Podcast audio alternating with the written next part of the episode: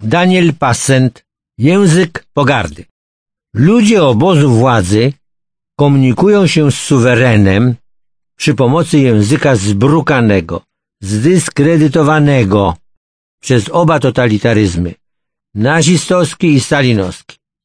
Mistrzem w posługiwaniu się mową autokratów jest prezydent Rzeczpospolitej Andrzej Duda, który się wyraził niedawno w Katowicach, iż ma nadzieję, iż uda się wyeliminować sędziów niepokornych i oczyścić do końca nasz polski dom.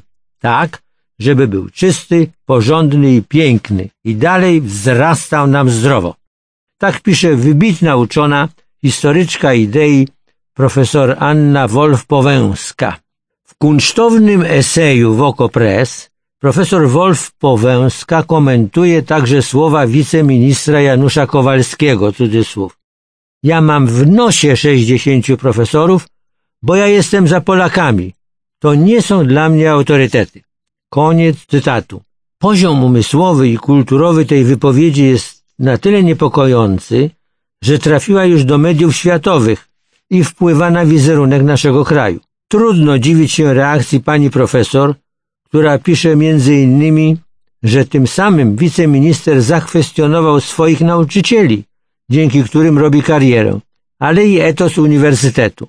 Dodajmy, iż przepaść pomiędzy światem nauczycieli i uczniów widać także w reakcji profesora Jana Zimmermana, promotora pracy doktorskiej Andrzeja Dudy, na postępowanie jego ucznia, prezydenta Rzeczpospolitej.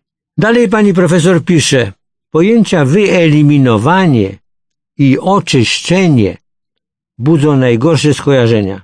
Należą do kanonu słownictwa propagandy nazistowskiej, antysemickiej, a dzisiaj skrajnej prawicy w Polsce i w Europie.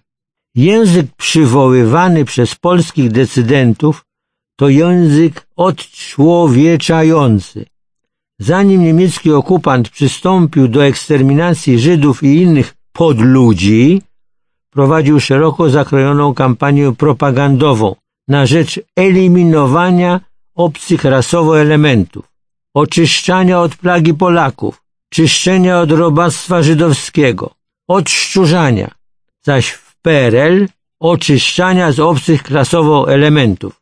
Można tu przypomnieć kułaków, zaplute karły reakcji i Deutschgewandtów.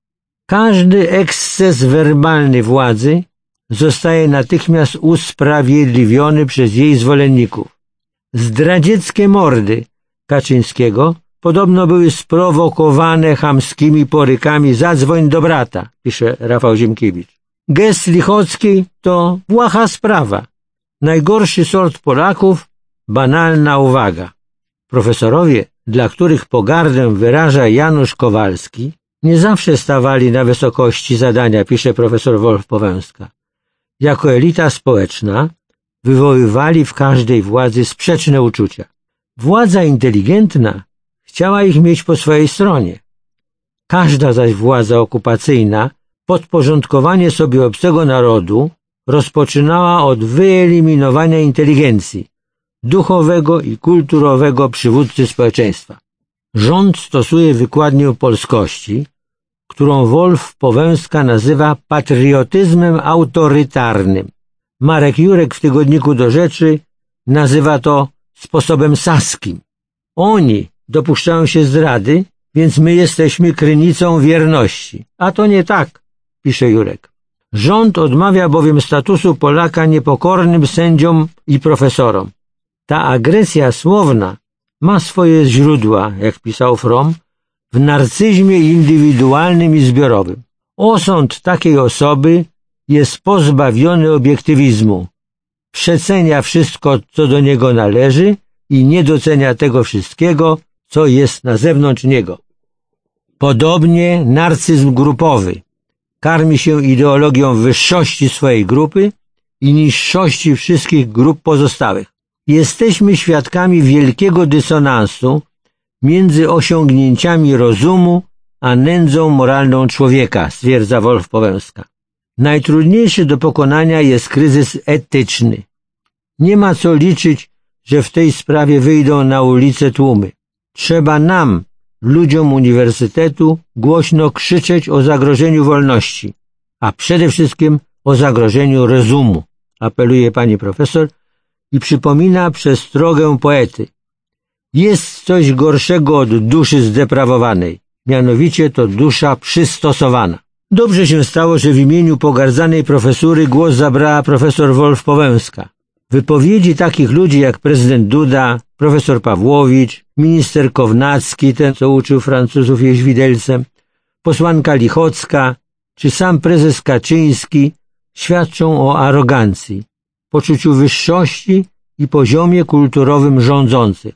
Obok słownictwa są też świadome decyzje, celowe prowokacje, tak jak mianowanie przez Prawo i Sprawiedliwość sprawozdawczyniami czy referentkami ustaw najbardziej aroganckich posłanek, czy też mianowanie duetu Pawłowicz-Piotrowski do tak zwanego Trybunału Konstytucyjnego. To nic innego jak granie inteligencji na nosie, pokazanie kto tu rządzi. Podobną prowokacją była nominacja prezes Przyłębskiej, sędzi o skromnym dorobku. W ten sposób prezes pokazuje palec reszcie świata. Kryzys obyczajów niepokoi również historyka idei i świetnego komentatora profesora Bronisława Łagowskiego, który pisze w tygodniku Przegląd, iż różnice polityczne pomiędzy Prawem i Sprawiedliwością a Platformą są za małe, żeby fatygować się do urny. Ale jest pewne zastrzeżenie. Mianowicie, cytuję, najbliższe wybory prezydenckie mają o tyle znaczenie, o ile grzeczność w polityce ma znaczenie pozytywne. A ma. A gburowatość w polityce ma znaczenie negatywne. Rozciąga się na stosunki międzypaństwowe. Jedno wydaje mi się pewne, że mianowicie Kidawa Błońska pozostanie nadal osobą dobrze wychowaną, grzeczną tak w słowach, jak i w postępowaniu i że dzięki temu zmieni się ton na szczycie władzy. Dlatego będę głosował na Małgorzatę Kidawę Błońską, pisze profesor Łagowski. Łagowski, podobnie jak Wolf Powęska, nawiązuje do nastrojów szczątkowej inteligencji, która cierpi z powodu zacierania śladów w przeszłości. Ma ona poczucie, że została najechana przez jakieś plemię barbarzyńskie i nie trzeba dziwić się ludziom, którzy mówią, że czują się jak gdyby pod nową okupacją. Okupacja to broń Boże nie jest, ale panujący obóz sugeruje nam, że jest, pisze Łagowski. Pani profesor zakończyła swój esej cytatem z francuskiego poety Charlesa Péguy o duszy przystosowanej. Natomiast Łagowski sięgnął do listu Piłsudskiego, w którym marszałek pisał, że nie chce żyć w wychodku, domyśle, nawet gdyby cieszył się tam wolnością słowa. 并规范书